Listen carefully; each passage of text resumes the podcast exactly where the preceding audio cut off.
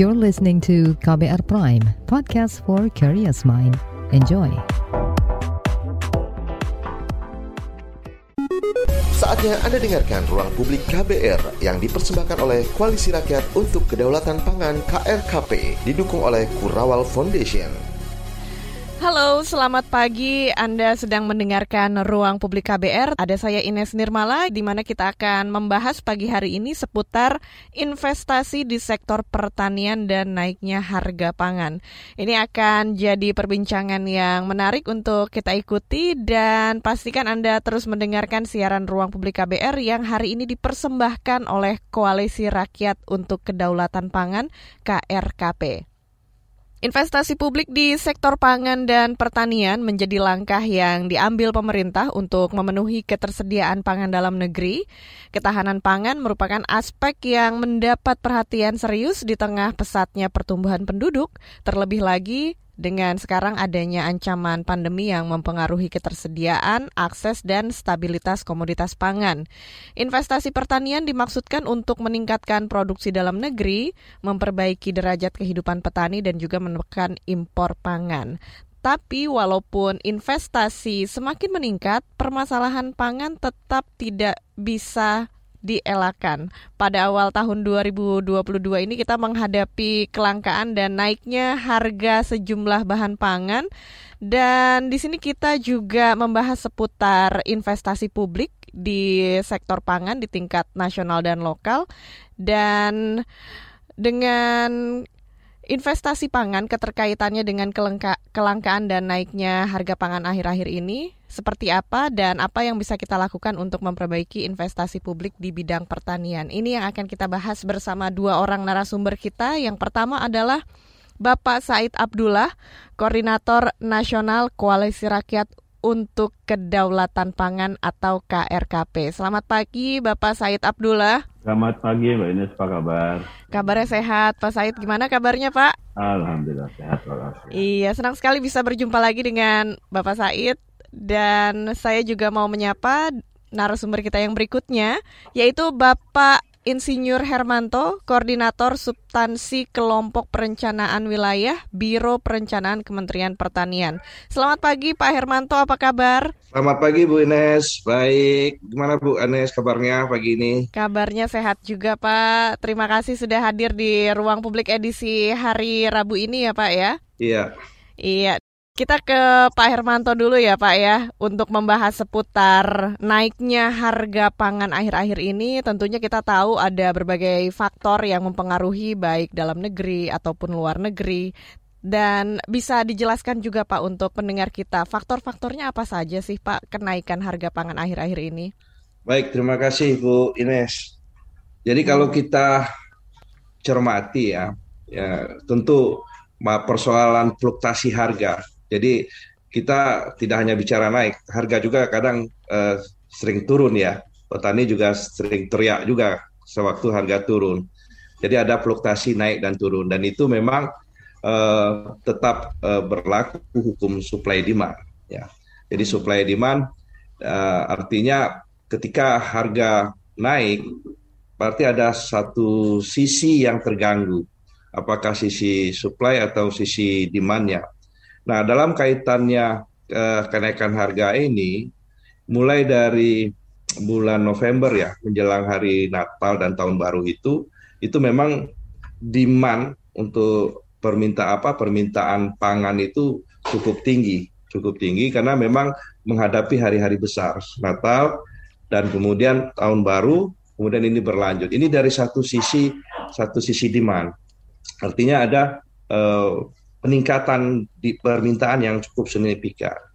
Kemudian yang dari kalau sisi supply, dari sisi ketersediaan, bisa saja ya uh, harga harga yang tinggi karena kurangnya supply, kurangnya uh, barang, ya bisa saja seperti itu terjadi. Tetapi pada faktanya ya untuk beberapa komoditas pertanian yang yang boleh kita katakan yang dari 12 kebutuhan uh, komoditas pokok pangan itu yang bergantung ke pasar luar negeri atau impor ini yang sering tidak kita bisa uh, kendalikan karena itu situasi internasional sangat sangat besar uh, pengaruhnya. Tetapi untuk komoditas-komoditas yang uh, tidak impor lah, yang tidak banyak kita lakukan impor, ini masih bisa kita uh, kendalikan. Ya mungkin uh, kenaikan harga dari sisi supply bisa saja karena ada satu gangguan cuaca, misalnya cabai, ya satu saat keadaan normal itu harga bisa normal, tetapi ketika cuaca uh, misalnya ada satu perubahan yang drastis, misalnya hujan yang cukup panjang atau kemarau yang cukup panjang, ini bisa saja pada satu titik itu kita kekurangan untuk satu daerah, ya. Nah, sehingga ini yang membuat uh, kenaikan satu uh, barang. Artinya kalau dihitung secara nasional, kalau kita melihat pangan kita yang uh, tidak yang bukan uh, dari ketergantungan dari impor itu cukup aman. Saya lihat tadi malam dari data-data kita, misalnya beras ya, kemudian apalagi komoditas-komoditas lain, uh, bawang merah misalnya itu, dan telur itu cukup sebetulnya. Nah, kemudian kita akui yang suplainya kurang, itu yang uh, ketergantungan impornya masih cukup besar. Hmm. Misalnya bawang bawang putih. Bawang putih itu hampir 90% kita impor karena itu memang komoditas subtropis ya. Mm-hmm. Jadi uh, untuk tumbuh di Indonesia ini butuh inovasi-inovasi yang uh, terobosan-terobosan besar dan itu juga sulit untuk membandingkan dengan daerah yang memang subtropis tempat tumbuhnya. Kemudian kedelai juga begitu. Kemudian mm-hmm. sapi. Kemudian uh, gula. Ini kan masih ketergantungan impor kita masih tinggi. Nah, kenaikan harga barang-barang ini, komoditas ini, ini sangat dipengaruhi dengan situasi kondisi internasional, ya terutama kurs uh, dolar karena ini uh, apa harga-harga internasional. Apalagi yang terakhir ini, ya uh, perang Rusia Ura, Urania atau apa Ukraina ini juga punya implikasi yang cukup besar, bukan ke Indonesia saja, terutama pangan, ya. Jadi artinya kalau sepanjang komoditas itu masih uh, cukup besar ketergantungannya itu ada ada kontribusi dari uh, pengaruh dari harga internasional dan situasi internasional. Mm-hmm. Nah untuk khusus uh, misalkan minyak goreng yang tadi Pak Said sempat sebelum ini kita ngobrol-ngobrol ini minyak goreng kok bisa begini? Indonesia punya uh, apa namanya uh, areal kelapa sawit itu terbesar Betul. di dunia. Kita sudah mengalahkan Malaysia itu, ya. 16 juta lebih areal kita. Jadi memang satu ironi ya, kita punya sawit yang luas, eh, apa kelapa sawit eh, yang luas tapi kita punya eh, minyak goreng yang langka. Kan seperti itu. Ini ya. ironis juga.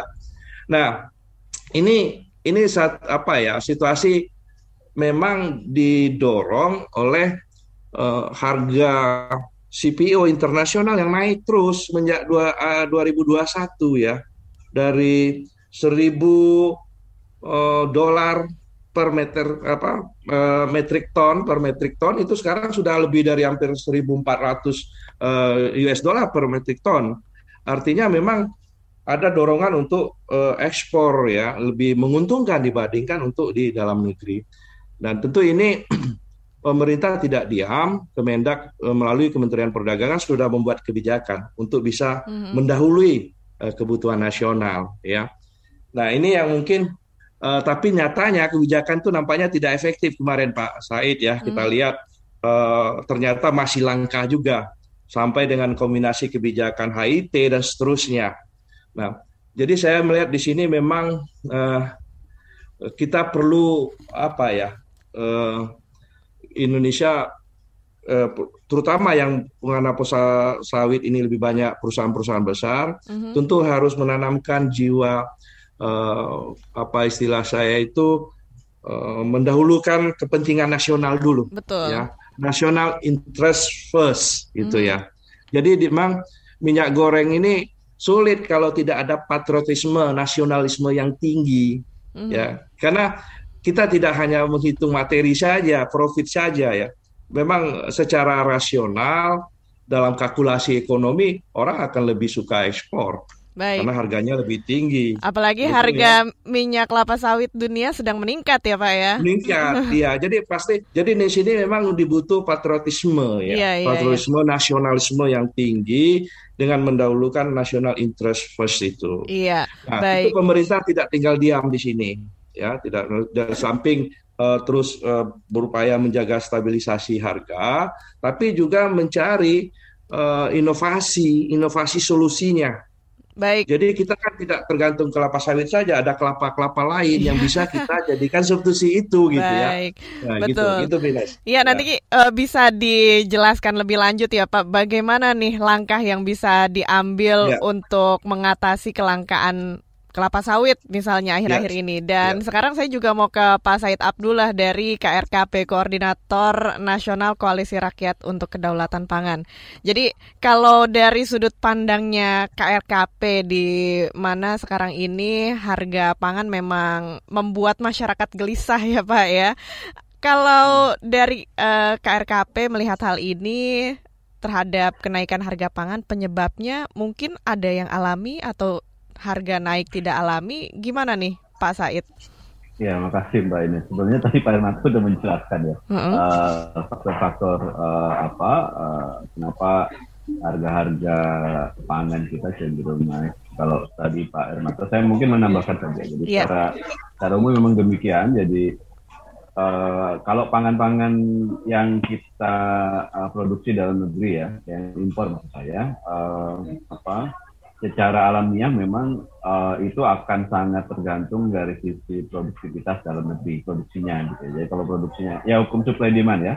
Kalau produksi kurang dan pas permintaannya tinggi gitu ya pasti akan terjadi kenaikan harga dan secara umum kalau kita melihat kan eh, kenaikan harga itu cenderung terjadi pada eh, situasi tertentu. Tadi Pak Hermanto sampaikan ketika misalnya Natal gitu ya, atau nanti kita tahun depan nih menghadapi Lebaran dan eh, apa namanya eh, puasa dan Lebaran gitu. Nah sayangnya eh, situasi itu kan eh, sayangnya ya kadang-kadang karena puasa atau Lebaran hari besar itu maju ya. Kadang-kadang nggak pas sama ini sama siklus eh, panen rayanya gitu. Contoh ya eh, cabe gitu atau eh, yang seasonal ya, yang musiman gitu. Eh, saya baca datanya Kementan juga, kemudian baca data teman-teman dari peneliti PB juga, kan sebenarnya eh, ada polanya ya, pola produksi untuk yang pangan dalam negeri ya. Misalnya contoh sayur-sayuran gitu. Contohnya kita tahu cabai rawit misalnya Jawa Timur, sedikit di Jawa Tengah, Jawa Barat. Polanya ada eh, produksi panen rayanya di tengah, di awal eh, akhir atau eh, ya cenderung di akhir atau di awal, misalnya begitu. Nah sayangnya kan permintaan naik karena pergeseran tadi hari raya segala macam kan berubah nih. Nah ketemunya pas ketemu eh, hari rayanya nggak nggak pas momentum panen raya pasti harga naik gitu. Jadi ada aspek eh, productivity kalau di konteks yang pangan dalam negeri. Eh, tapi yang pak produk apa namanya pangan yang non, non eh, dalam negeri kan tadi Pak Armanto sampaikan juga ada persoalan-persoalan yang eh, terkait dengan trade ya global trade kemudian situasi geopolitik eh, dan seterusnya itu juga mau tidak mau berpengaruh. Nah di luar dua hal itu sebenarnya saya eh, tadi yang terakhir kalau bahasa halusnya Pak Hermanto harusnya nasionalismenya kuat gitu.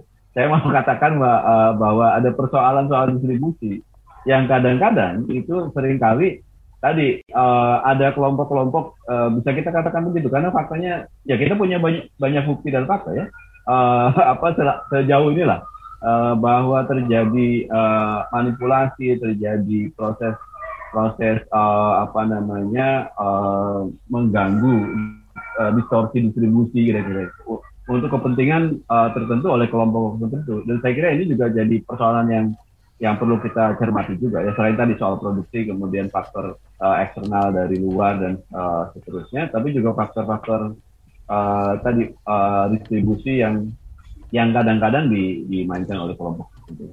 Tentu Oke. saja eh, kita tadi juga diskusi sedikit eh, sebelum jalan ya ada soal satgas kemudian seterusnya nanti mungkin itu jadi instrumen yang penting ya Eh, yang kita bersyukur sudah ada tinggal bagaimana memperkuat itu saya kira Mbak ini. Oke, baik. Pak Hermanto dan Pak Said, sekarang kita jeda dulu sejenak ya. Kita akan kembali setelah yang berikut ini. Masih Anda dengarkan Ruang Publik KBR yang dipersembahkan oleh Koalisi Rakyat untuk Kedaulatan Pangan KRKP didukung oleh Kurawal Foundation. Commercial break. Commercial break.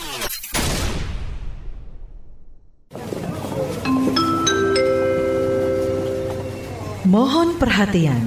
Panggilan terakhir penumpang Trending Air dengan nomor penerbangan WT0101 dipersilakan segera mendengarkan podcast What's Trending melalui Spotify. Karena podcast What's Trending sekarang ada di playlist teman perjalananmu. Selamat menikmati. Terima kasih.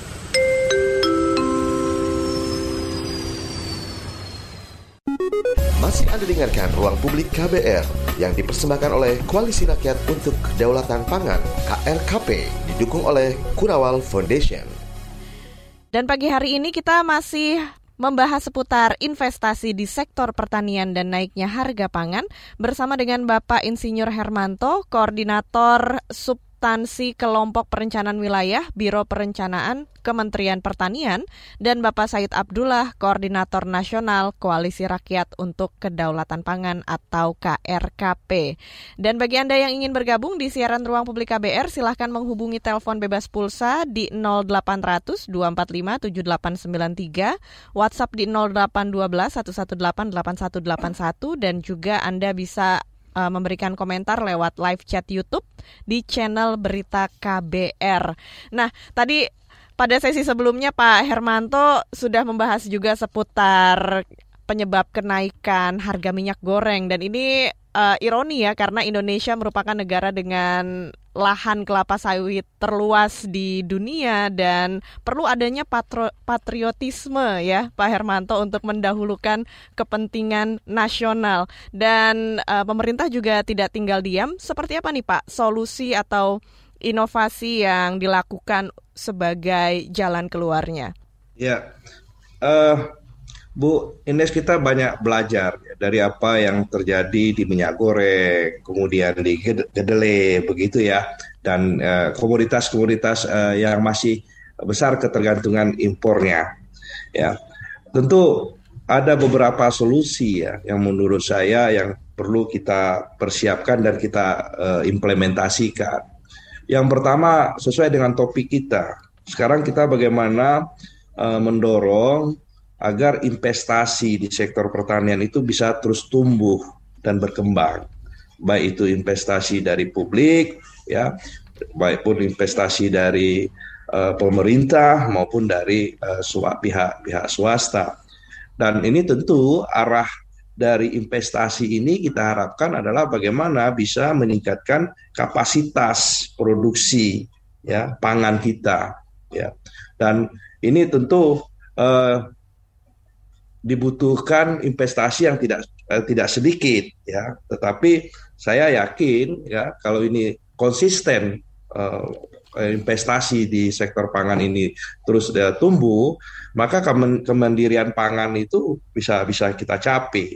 Paling tidak kalau untuk komoditas-komoditas uh, yang masih bergantung banyak ke impor itu paling tidak kita bisa menekan ya misalnya bawang putih tadi yang hampir 80 90 mungkin kita bisa tekan menjadi 40 eh, atau 30 persen ya. Eh, tidak harus semuanya misalkan seperti itu. Dan demikian juga untuk kedelai dan lainnya.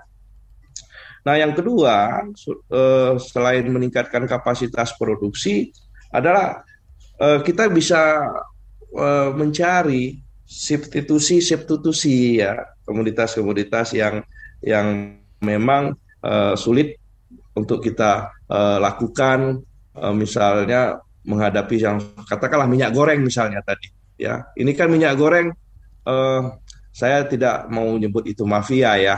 Tapi paling tidak ada ke apa kegagalan market di situ ya. Jadi market failure di situ dan di situ dibutuhkan intervensi pemerintah sebetulnya ya dalam sehingga market itu tidak tidak gagal gitu ya Nah, salah satu mungkin mungkin yang bisa dilakukan uh, kan selain kelapa sawit, minyak minyak goreng itu juga bisa bersumber dari kelapa. Ya, jadi hampir di setiap rumah peta, rumah tangga petani yang di daerah uh, pantai apa itu kan punya kelapa. Ya, paling tidak berapa? Ya ini kalau ini bisa di tumbuhkan industri-industri kecil, ya rumah tangga. Mm-hmm. Ini mungkin kalau di, di, di, dikalkulasi dalam jumlah yang um, luas itu bisa saja kita punya pilihan selain minyak goreng sumber uh, kelapa sawit juga ada minyak goreng dari kelapa. Nah yeah. ini ini satu-satu solusi ya mm-hmm. yang menjadi opsi. Jadi kita sama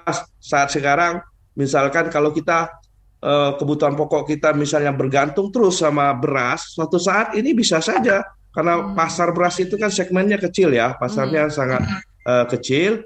Uh, kita perlu lakukan diversifikasi hmm. dengan sumber yang sama, karbohidrat yang sama, bisa dari macam-macam pangan-pangan lokal yang bisa kita uh, bangun untuk bisa uh, masyarakat konsumsinya sudah tidak hanya tergantung pada beras. Jadi sudah kalau sekarang Mbak Mbak Ines makan hmm. bakso, hmm. kemudian makan macam-macam ya, tidak makan nasi, tapi kadang-kadang masih belum makan dibilang. Masih lapar Karena ya Pak ya? makan, ya?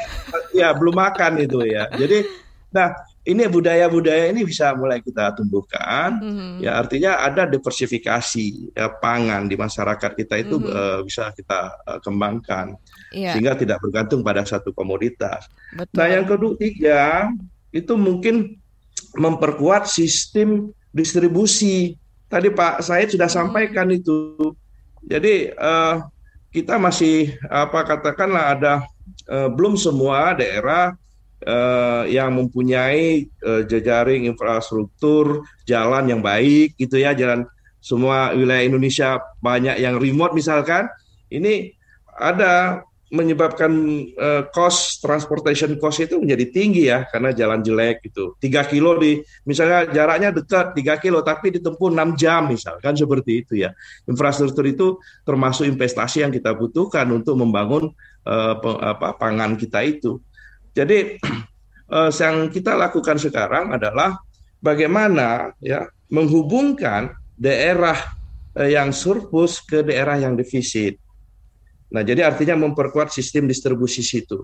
Dan pemerintah akan mencoba membantu, ya katakanlah karena kosnya tinggi transportasi bisa saja di, dilakukan subsidi transportasi di situ, uh-huh. sehingga akan mempermudah, akan menekan biaya, sehingga itu akan uh, memudahkan untuk mendistribusikan komoditas-komoditas yang di daerahnya mungkin uh, surplus itu bisa lancar ke daerah yang defisit. Nah ini juga salah satu upaya yang bisa kita lakukan di situ. Dan yang terakhir ini kita harus menekan iya. spekulasi. Spekulasi ini uh, ya tentu uh, memperkuat uh, satgas pangan, memperkuat uh, pengawasan ya, memperkuat uh, regulasi kita ya. Ini juga bisa meminimalkan uh, apa namanya spekulasi-spekulasi yang yang yang ada ini bisa menjadi referensi misalkan di Malaysia. Mm-hmm. Malaysia itu ada undang-undang itu ya anti monopolinya ya, mm-hmm. anti apa itu itu cukup kuat gitu ya. Jadi uh, orang masih berpikir dua kali nih kalau mau bermain-main dengan pangan, ya ingin berspekulasi dengan pangan, apalagi mau menimbun pangan. Nah jadi memperkuat enforcementnya itu itu juga uh, harus menjadi uh, perhatian kita sehingga ke depan ya hal-hal yang seperti yang tadi kelangkaan-kelangkaan ataupun terjadinya penimbunan-penimbunan itu tidak bisa tidak tidak banyak lagi terjadi kalau kita uh, betul-betul uh, uh, apa regulasi-regulasi yang kita sudah buat gitu. Mm-hmm. Saya kira ya. itu Bu ini. Baik. Dan kalau dari Pak Said Abdullah uh, bagaimana nih melihat uh, solusi yang ditawarkan pemerintah untuk ketersediaan pangan dan kita juga tahu ya bahwa uh, salah satu caranya adalah dengan melakukan investasi publik di sektor pertanian yang setiap tahun juga budgetnya terus meningkat tapi uh, tetap negara kita masih dalam situasi menghadapi uh, masalah ketahanan pangan ini. Kalau dari KRKP melihat hal ini seperti apa, Pak? Ya, Mbak Ines, terima kasih. Uh, saya kira uh, apa yang pertama ingin sebelum saya menjawab pertanyaannya Mbak Ines tadi soal solusi apa begitu ya. Uh, saya sepakat betul dengan uh, banyak pendapat yang mengatakan, termasuk KRKP sendiri ya. Tadi Pak Armanto juga sudah menjelaskan uh, secara sekilas gitu. bahwa uh, kita harusnya memang sudah nggak bisa lagi menggantungkan uh, apa namanya ketersediaan pangan kita pada uh, apa terlalu besar ke impor. Ini satu hal yang yang fundamental menurut saya harus kita uh, apa namanya uh, bersama. Kenapa? Karena kalau terlalu besar kita mengandalkan ke impor, uh, pada akhirnya seperti yang yang selama ini terjadi termasuk hari ini ya misalnya kedelai contoh gitu ya, uh, uh, hampir 90 kayak rasanya Pak ya, atau 8, 8 70 sampai 90 persen kita kan impor gitu. Uh, ketika ada gangguan harga di mana di pasar internasional dan uh, pasokan kita kurang atau uh, harga jadi naik, itu kan jadi problem ya, terutama di tingkat uh, konsumen. Gitu. Dan uh, ketika kita semakin besar tergantung ke pasar internasional, tentu saja uh, kedaulatan negara kita jadi sangat lemah karena bisa dikendalikan oleh siapa pun yang memiliki barang gitu. Saya masih ingat betul uh, Henry Kissinger bilang kalau mau mengontrol uh, negara kuasai minyak gitu ya. Tapi kalau menguasai orang, rakyat, uh, kuasailah pangannya gitu. Dan tentu saja ini jadi satu analogi yang uh, apa sangat tepat menurut saya. Uh, menjadi rugi jadi kemudian kalau rakyat Indonesia dikendalikan oleh orang lain karena apa namanya uh, tangannya uh, ditentukan oleh negara lain tergantung negara lain. Jadi mau nggak mau memang uh, semangat yang dimiliki. Saya kira kan uh, Presiden di 2014 dengan tegas mengatakan bahwa kita harus berdaulat pangan itu sebagai berdiri di atas kaki sendiri. Itu harusnya jadi semangat bersama menurut saya. Satu satu apa uh, semangat bersama yang harus kita apa namanya kita uh, kuatkan terus kira-kira begitu ya itu itu satu hal saya kira Nah, yang apa namanya? Yang kedua, eh, kenapa kita harus harus mandiri karena agak-agak mengerikan juga gitu ya hmm. kalau terlalu terlalu besar ke sana. Uh, ekonomi politik global itu kan juga berat ya. Uh, situasinya nggak unpredictable dan seterusnya. Nah, yang kedua pilihannya adalah mau nggak mau pada akhirnya ya, pada akhirnya kita harus memperkuat produksi dalam negeri menurut saya. Memang akan ada produk-produk yang tidak sepenuhnya, tadi Pak Hermanto sampaikan ya, um, mungkin nggak bisa kita 100% uh, fully memenuhi dalam negeri, tetapi bukan berarti terus kita nyerah gitu ya. Uh, kita tetap harus berusaha. Saya sepakat betul bahwa secara uh, apa namanya perlahan tapi pasti kita harus punya satu langkah-langkah strategis uh, mengurangi perlahan uh, impor dengan meningkatkan produksi dalam negeri. Ya tadi bawang putih kemudian uh, beberapa produk yang lain kedelai misalnya kita punya potensi di rawa.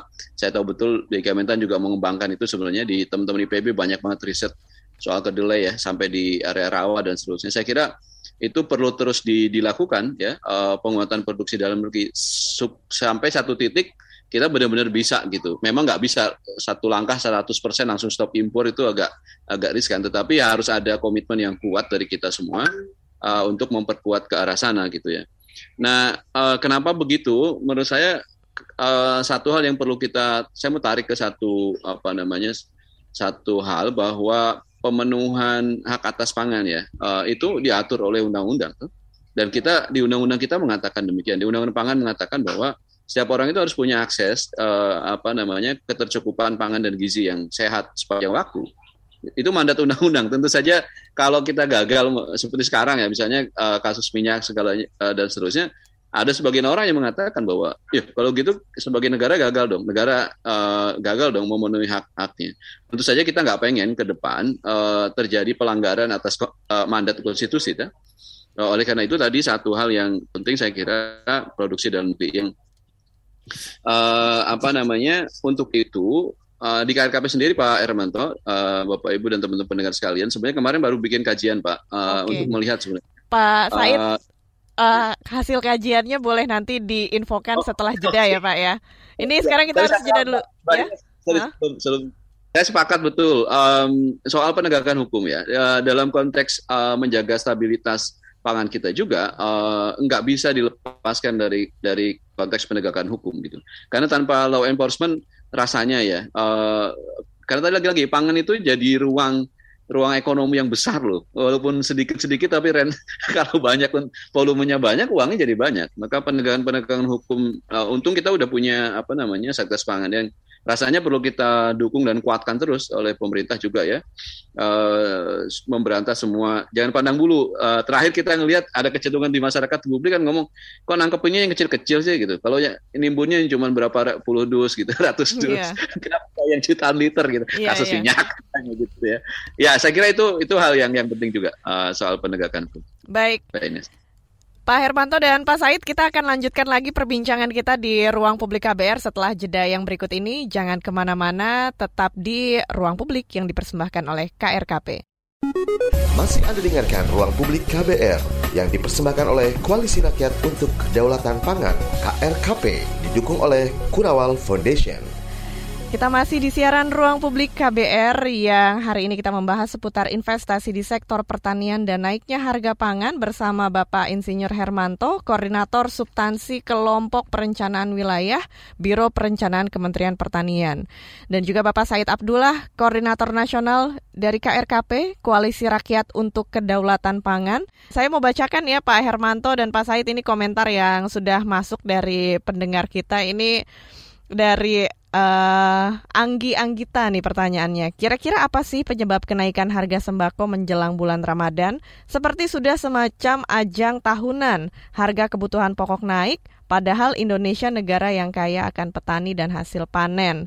Kemudian dari Radio Mandala, Ibu-ibu atau emak-emak inginnya minyak goreng standar bukan mahal dan masyarakat inginnya di lapangan minyak goreng tersedia dengan harga normal bukan 25.000 per liter. Faktanya itu yang terjadi di lapangan. Kemudian ada uh, komentar dari Arif Kurniawan, investasi pertanian ini baiknya dilakukan melalui platform apa? Gitu ya. Dan besarnya kira-kira berapa untuk memulainya? Oke, baik. Mungkin dari Pak Hermanto mau menanggapi Pak komentar yang sudah masuk tadi. Singkat saja, Pak. Ya, makasih Bu Ines, Bu Anggi, Pak Arif ya dan teman-teman tadi yang yang sempat uh, memberikan komentar dan pertanyaan. Ya, intinya kalau kita pangan, intinya persoalan pangan ini masalah harga pangan, memang kita nggak bisa lepas dari kondisi supply dan demand-nya. Jadi uh, ini sudah hukum ekonomi menjelang Ramadan itu permintaan tinggi ya dengan stok dengan kondisi yang yang katakanlah produksi itu kan tidak bisa seperti kayak pabrik mobil bisa di, ditingkatkan sesegera pada waktu itu ya. Nah ini ini ada jadi dia produksinya relatif stabil tapi ada satu ketika per, apa permintaan itu tinggi ini yang membuatkan kenaikan uh, harga salah satu faktornya seperti itu. Nah, memang kita pemerintah selalu membuat kebijakan stabilisasi harga yang tadi eh, ibu-ibu tadi sampaikan yang apa namanya yang memang harga ini uh, bisa uh, relatif stabil ya. Relatif stabil dengan berbagai kebijakan. Dan kebijakan stabilisasi harga misalkan operasi pasar. Operasi pasar itu adalah salah satu untuk menormalkan situasi ya situasi gejolak harga itu. Nah, kemudian kaitan pelapor, tadi Mbak Ines memang dibutuhkan investasi yang cukup besar di sektor pertanian khususnya di pangan ya. Nah, pemerintah investasi ini kan tidak hanya dari pemerintah tapi juga dari petani, kemudian dari swasta. Khusus dari pemerintah, memang ini satu dilema juga. Di satu sisi kita uh, menghadapi persoalan pangan yang sangat kompleks tadi ya yang kita rasakan saat sekarang ini. Tapi di sisi lain anggaran kita Kementerian Pertanian itu terus uh, melorot itu, terus turun turun turun ya. Jadi ini uh, dilematis juga kita, kita juga punya ruang gerak yang terbatas dalam situasi yang sangat sangat kompleks ini. Uh, tapi kita tetap mencari apa namanya satu opsi-opsi lain alternatif alternatif uh, untuk bisa bagaimana memperkuat uh, apa uh, pangan kita. Salah satunya itu dengan bagaimana mengoptimalkan pemanfaatan kredit usaha rakyat KUR. Nah, sekarang jadi investasi yang kita akan dorong sekarang adalah investasi dari petani, masyarakat ya, melalui KUR tadi dengan bunga yang disubsidi oleh pemerintah, bunga yang lebih rendah.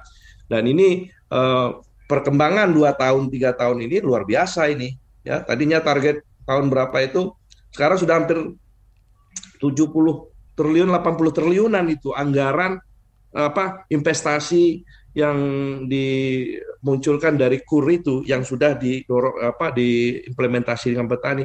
Kementerian Pertanian itu hanya 14 triliun mengurus seluruh uh, masalah pertanian di Indonesia. Jadi kan ini uh, mudah-mudahan ini bisa menjadi perhatian kita semua ya. Yang kemudian investasi swasta. Nah, dalam situasi uh, Covid kemarin ini ya, ini kan semua uh, apa namanya banyak eh, sektor-sektor ekonomi kan yang itu uh, relatif uh, tidak tidak tumbuh ya, tidak berkembang ya. Hanya sektor pertanian yang berkembang. Tetapi tidak tumbuhnya sektor lain juga mempengaruhi sektor pertanian itu tidak tidak bisa dipungkiri. Misalkan uh, ada pembatasan-pembatasan selama era Covid ya kemudian hotel-hotel sudah banyak yang apa sepi misalnya ini permintaan pangan juga turun di satu sisi ya kan? Perangan turun turun. Dan harga akan turun di awalnya. Tapi ketika sekarang mulai normal ya mulai normal ini permintaan mulai mulai naik ya harga juga ikut naik. Ini tetap hukuman hukum pemerintahan seperti itu.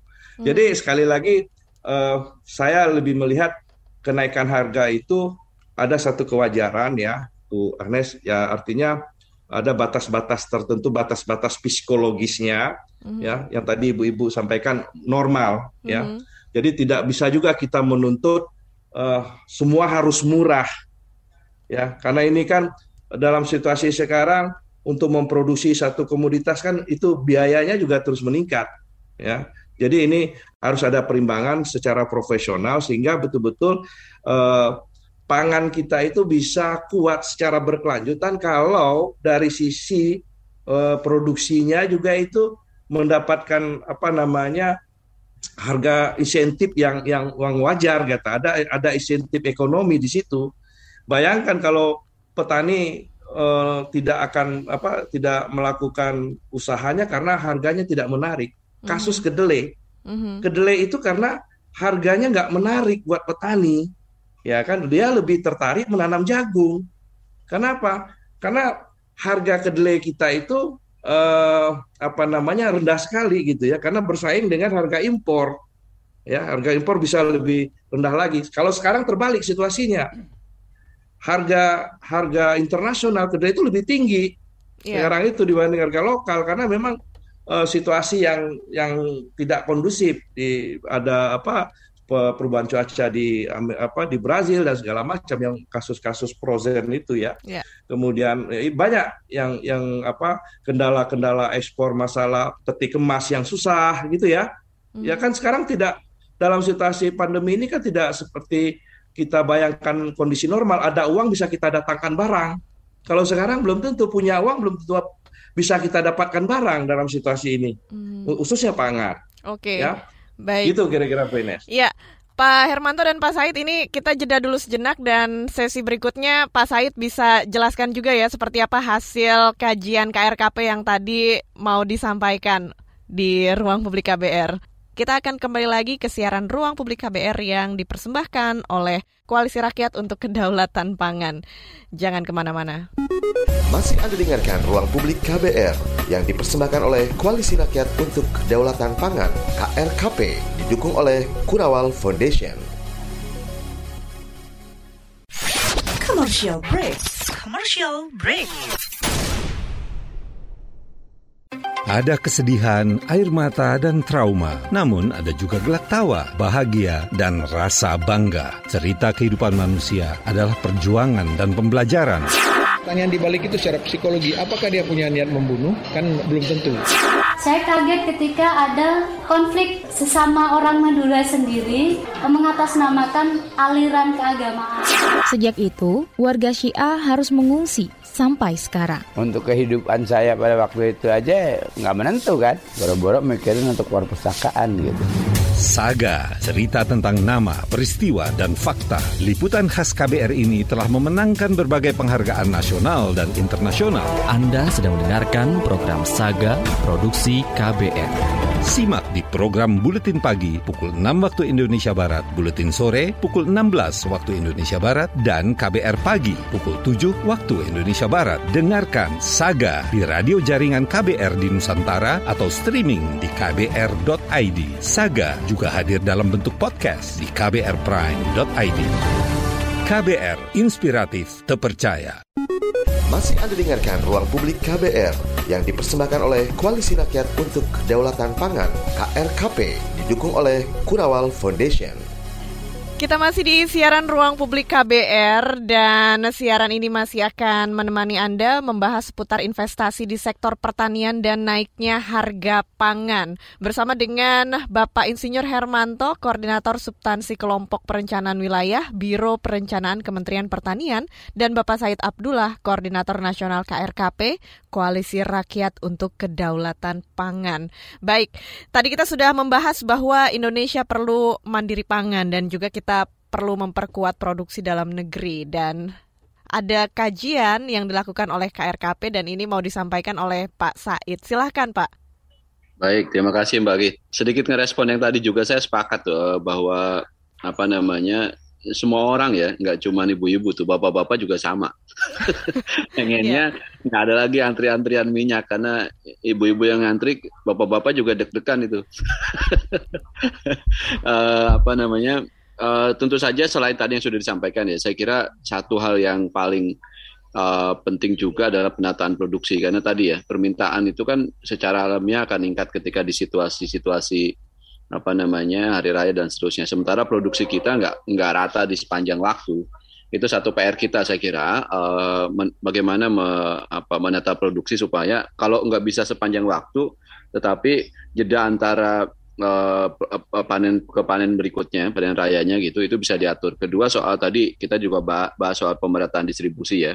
Tadi Pak Hermanto juga udah udah bahas. Yang ketiga, saya kira soal policy gitu ya. Uh, kita bisa belajar banyak nih dari kasus minyak deh. Saya saya terakhir tuh sampai bikin catatan banyak banget gitu. Uh, kasus-kasus ini ya, kasus minyak. Contoh misalnya ternyata kebijakan yang dibuat itu justru backfire gitu. Kalau kita lihat ya, misalnya penetapan HET ya, HET yang minyak kemasan itu, uh, karena dipatok hanya berapa kemarin, 4, 17 atau 14, 14 ya, 14 ribu, ribu yang yang kemasan.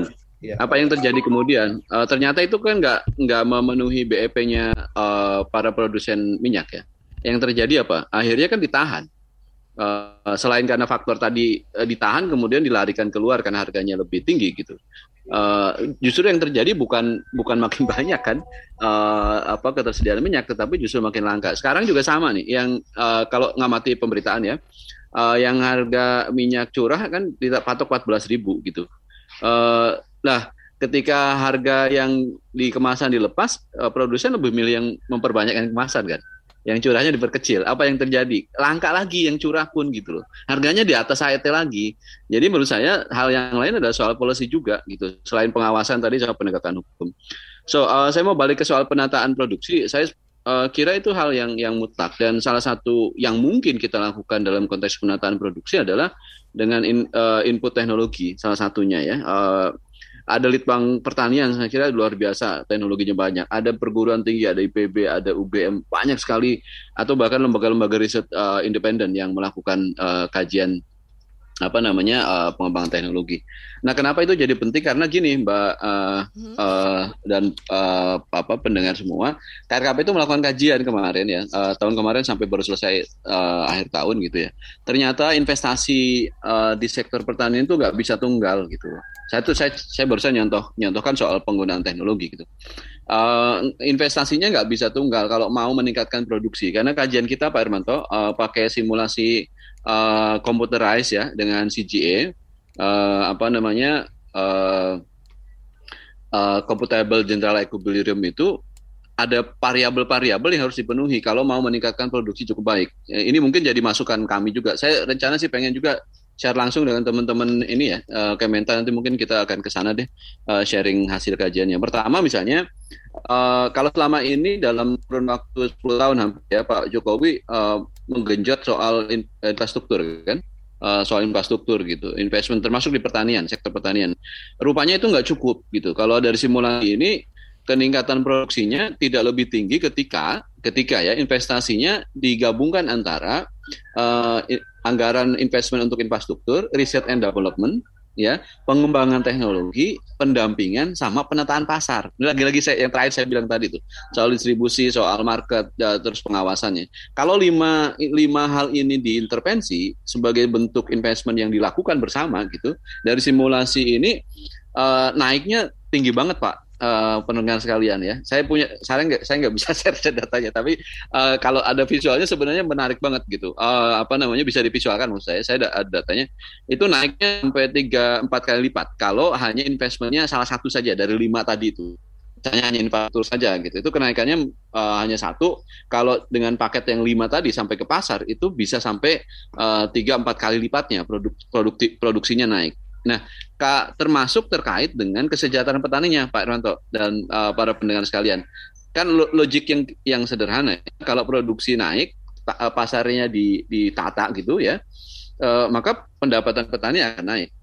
Uh, sebenarnya kan rahasia umum, petani itu nggak usah disuruh nanam apa-apa. Kalau dia dapat uh, apa harga yang baik, dia akan investment sendiri pemerintah akan bisa mengurangi investmentnya, ya kan? Tetapi yang terjadi hari ini memang saya kira penggerak utamanya, walaupun tadi Pak Hermato mengatakan terbatas anggarannya, ada di pemerintah gitu ya, uh, sebagai lokomotif utamanya. Nanti kalau kemudian tumbuh ya bisa saya swasta, bahkan tani sendiri sebagai uh, private gitu ya bisa investment. Tapi lagi-lagi saya mau katakan dalam konteks kajian ini memang kita mengukur dari ini Pak Hermanto, uh, apa investment yang harus dilakukan oleh government gitu ya. Jadi ada lima tadi formulanya uh, kita juga ngukur dari sisi importasi ya dengan uh, investment di lima variabel itu itu ternyata bisa menurunkan impor sampai dua kalinya peluang impornya karena ya logiknya karena produksinya naik gitu. Nah, uh, jadi ini menurut saya menarik banget uh, bagi saya ya uh, ngelihat di KRKP sendiri. Kenapa? Karena kemudian tadi cita-cita kita kan memang ingin mandiri dan berdaulat pangan gitu. Yang kedua tentu saja kita nggak pengen ada satupun warga negara Indonesia yang kekurangan pangan. Uh, karena itu mandat undang-undang. Kalau kita menyalahi ada satu orang saja kelaparan, itu udah salah gitu, udah yeah. udah berdosa hukumnya dalam konteks konstitusi bernegara ya. Uh, saya menjadi menjadi penting menurut saya bagi kita semua untuk berhati-hati dan lebih concern fokus pada model investment yang mau dilakukan.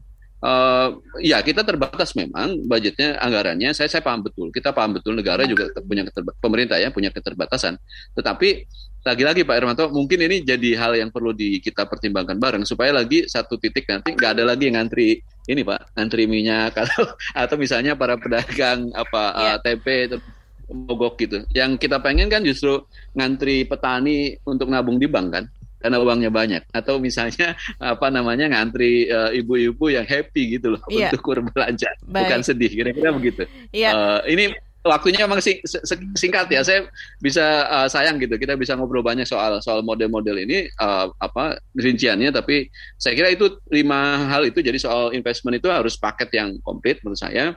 Uh, investasi di infrastruktur, kemudian di research and development, pengembangan teknologi, uh, pendampingan dan uh, penataan pasar. Itu jadi kunci menurut saya gimana kita bisa uh, memperkuat produksi dalam negeri. Sembari satu lagi yang terakhir yeah. Ya. uh, juga memperkuat polisi kebijakan terkait dengan perdagangan luar negeri atau impornya. Kan nggak mungkin uh, kita Kementan misalnya berusaha meningkatkan produksi dengan lima investment yang tadi itu paket lengkap gitu. Tiba-tiba di kementerian yang lain mempermudah impornya. Itu kan juga sesuatu yang yang uh, apa kontraduktif. Tentu saja secara holistik semua kebijakan ya diproduksi dan di perdagangan terutama perdagangan luar negeri importasi harus ditata juga gitu. Uh, kita kan pengennya semangatnya sama tuh. Kementan pengen melindungi peta, uh, produsen, konsumen juga petaninya terutama kan uh, biar sejahtera. Kira-kira iya. gitu. Baik, Pak Said dan Pak Hermanto ini karena waktu yang terbatas kita harus sudahi siaran Ruang Publik KBR sampai di sini ya dan banyak obrolan menarik yang bisa kita ambil hari ini dan saya ucapkan terima kasih juga kepada Anda yang sudah mendengarkan dan bergabung berpartisipasi di siaran Ruang Publik KBR. Sukses selalu untuk KRKP dan juga Kementerian Pertanian dan saya Ines Nirmala pamit undur diri. Selamat melanjutkan aktivitas Anda. Salam sehat selalu. Terima kasih banyak dan salam. Baru saja Anda dengarkan Ruang Publik KBR yang dipersembahkan oleh Koalisi Rakyat untuk Kedaulatan Pangan KRKP didukung oleh Kurawal Foundation. KBR Prime, cara asik mendengar berita. KBR Prime podcast for curious mind.